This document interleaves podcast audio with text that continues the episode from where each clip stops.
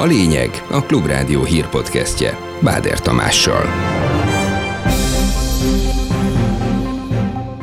Hiába tüntetnek hónapok óta simán megszavazta a bosszú törvényt a parlamenti kormánytöbbség. A tiltakozás folytatódik, de a következmények is borítékolhatóak. 5 és 10 ezer között lesz azoknak a pedagógusoknak a száma, akik el fogják hagyni a pályát, az biztos. Majdnem 10%-os GDP arányos hiány volt itthon az első negyedév végén. A közgazdás szerint a kormánynak is lépnie kell. Megszorítások lesznek, ezeket már a beruházási területen látjuk. Keményebb, hatékonyabb fellépés sürget Karácsony Gergely az eddig a rendőrök által elnézett illegális gyorsulási versenyekkel szemben. A hatóságok fellépése szempontjából többé-kevésbé a tudomásul versenyeket rendeznek, ami hát egészen elképesztő, ez nem a Forma 1, hanem ez egy város. Esős nap jöhet szerdán is a nyárban, 25-30 fokkal. Ez a lényeg, mindjárt kezdünk.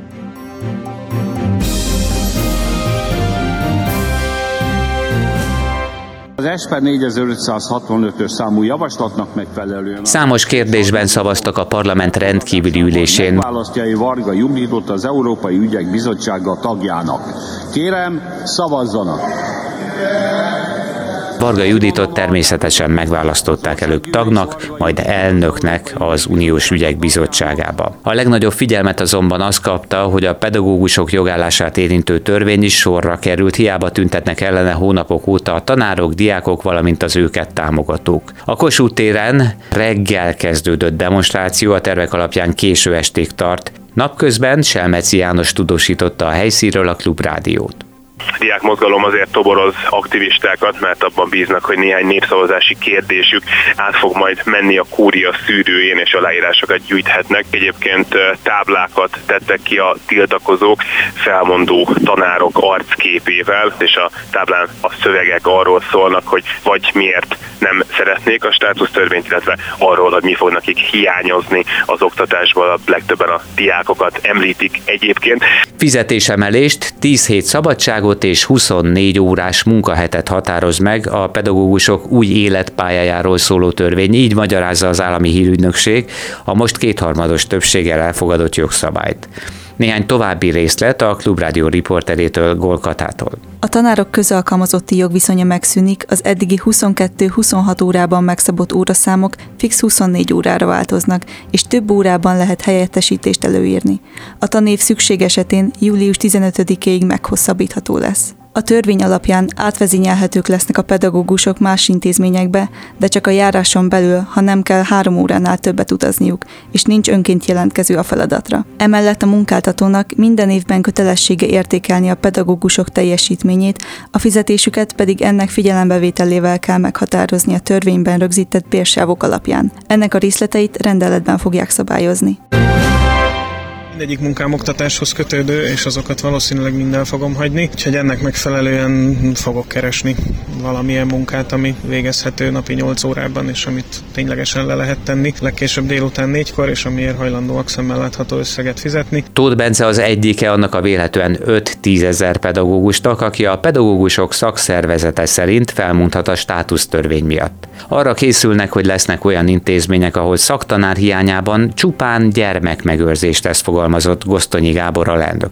Csak kifejezetten a státusztörvény szerint ez 5 és 10 ezer között lesz azoknak a pedagógusoknak a száma, akik el fogják hagyni a pályát, az biztos. Ami fel fog még gyorsulni szintén a státusztörvénynek köszönhetően, hogy nagyon sokan, akik eddig tovább dolgoztak, most a lehetséges nyugdíjkorkedvezményező a nők 40-nel szintén több ezren el fognak menni a pályáról, és amit tudunk, hogy fiatalok viszont nem jönnek. De most vissza a parlamentben. Most a záró szavazás következik. Kérdezem a tisztelt ország országgyűlés elfogadja-e a T per 4064 per 7-es számú A képviselők elfogadták a jövő évi költségvetést megalapozó törvényjavaslatot is. Ebben egyértelműsítik, hogy elvonhatják az állami támogatásokat, amennyiben Budapest betartja fenyegetését és nem fizeti be a szolidaritási hozzájárulást. A jövőben Nagy Márton gazdaságfejlesztési miniszter jelölheti ki azokat az állami ingatlanokat, amelyeket el akarnak adni, és a kormány jobban számít majd például a nyugdíjas munkaerőre, valamint végleg letett a szociális temetés bevezetéséről. Megválasztották a hiányzó alkotmánybírókat is, mind a négy jelölt, közöttük idősebb Lomnici Zoltán és Patyi András a kormánypártok jóváhagyásával kerülhet a testületbe, másokról nem is lehetett szavazni. A mai titkos voksoláson az ellenzéki oldalról többen nem is vettek részt. Majdnem 10%-os GDP arányos hiány volt az első negyedév végén idehaza. Az 1728,5 milliárdos deficit az előző két évi hasonló időszak összegét is meghaladja. Főként abból jött össze, hogy a 20% feletti évelei infláció felét sem érte el az áfa bevételek növekedése. A forint bizonytalansága miatt jóval magasabbak voltak a kamatkiadások, és a kormányzati költéseket nagyban megdobták a rezsivédelmi alapkiadásai a magas energiaköltségek okán. További megszorítások jönnek, amennyiben a kormány egyensúlyban akarja tartani a költségvetést, reagált a Klubrádiónak Bot Péter Ákos, a Nemzeti Bank egykori elnöke bevételi oldalon a tervektől nagyon erősen elmarad a tény, és hát ilyenkor jönnek azok a nagy kérdések, hogy hogyan fogja a lyukokat betömdösni a kormány. Az én félelmem az, hogy a eddigi bevált módszert követve újabb adókat vetnek ki, külön adókat, amelyek aztán természetesen rövid időn belül át fognak menni az árakba. Megszorítások lesznek, ezeket már a beruházási területen látjuk, de hát a család támogatás is, a lakásépítkezés is, és még nem tudjuk milyen terület területek fogják elszenvedni az újabb megszorításokat. Még egy évig a NATO főtitkára marad Jens Stoltenberg. A szeptember végén lejáró megbízatását 2024. szeptember 30-áig hosszabbítják meg, állapodtak meg a tagállamok vezetői. Ezt a szervezet jövő heti Vilniuszi csúcs találkozóján hagyják majd jóvá hivatalosan is. Litvánia gyors csatlakozási lehetőséget biztosítana a NATO-hoz Ukrajnának, de csak a háború után. A balti állam elnöke felszólította a tagországok vezetőit, hogy úgymond merészebben lépjenek fel a kérdésben jövő héten az országában tartandó csúcs találkozón. A litván államfő azt azonban megerősítette, hogy a jövő kedden és szerdán tartandó csúcson egészen biztosan nem születik döntés Kiev felvételéről.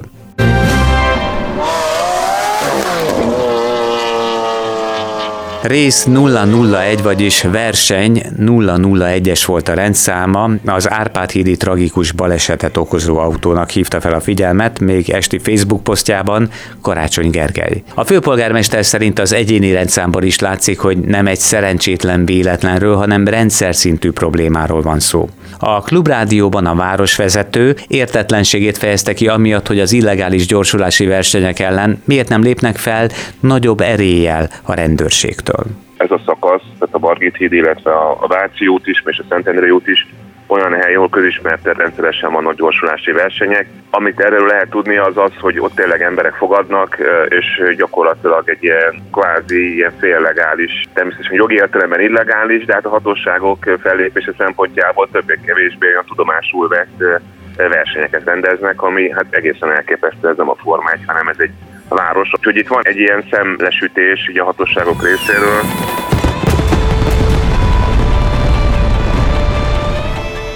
Ismét Budapest rendezi majd Európa legnagyobb tűzijátékát idén augusztus 20-án. Erről a kormánypárti Origó számolt be.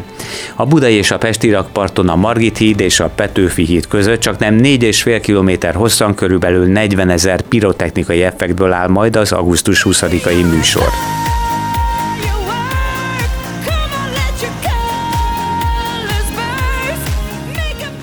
Azt még nem tudni, hogy az idei tűzijáték mennyibe fog kerülni, a tavalyi esemény beszerzési költsége nettó 1,3 milliárd forint volt, a rendezvény teljes költsége pedig meghaladta 10 milliárd forintot.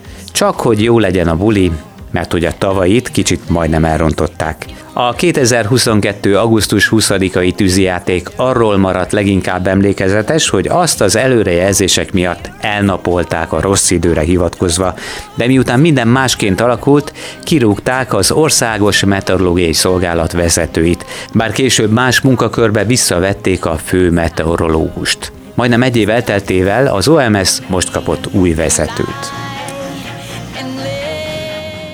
Ha már időjárás. A hétfői Lények podcastban Kemény Dani kolléga joggal panaszkodott, miért neki kell a rossz időt mindig előre mondania. Gondoltam ezügyben a leginkább illetékeshez fordulok. Nos, a válasz nem maradt el. Azért ilyen könnyen nem adtam fel, és újra megkérdeztem, hogy most akkor mégis mire fel ez az eső, meg hogy igazából nyár lenne, tudjuk, strandolás, kirándulás, ilyenek. De sajnos nem találtam ezúttal sem megértő fogadtatásra. Ezek után maradjunk inkább a száraz tényeknél tehát. Szerdán erőteljes gomoly felhőképződésre számíthatunk, több órás napsütéssel, reggel délelőtt még főként az Alföldön, majd később az ország más tájain is várható, zápor, zivatar, néhol tartósabb eső is. Összességében többfelé lesz csapadék. A legmagasabb nappali hőmérséklet 25 és 30 fok között várható. Ez így remélem megfelelő volt. Jól van, úgy látszik én is kihúztam a gyufát, ideje elköszönni.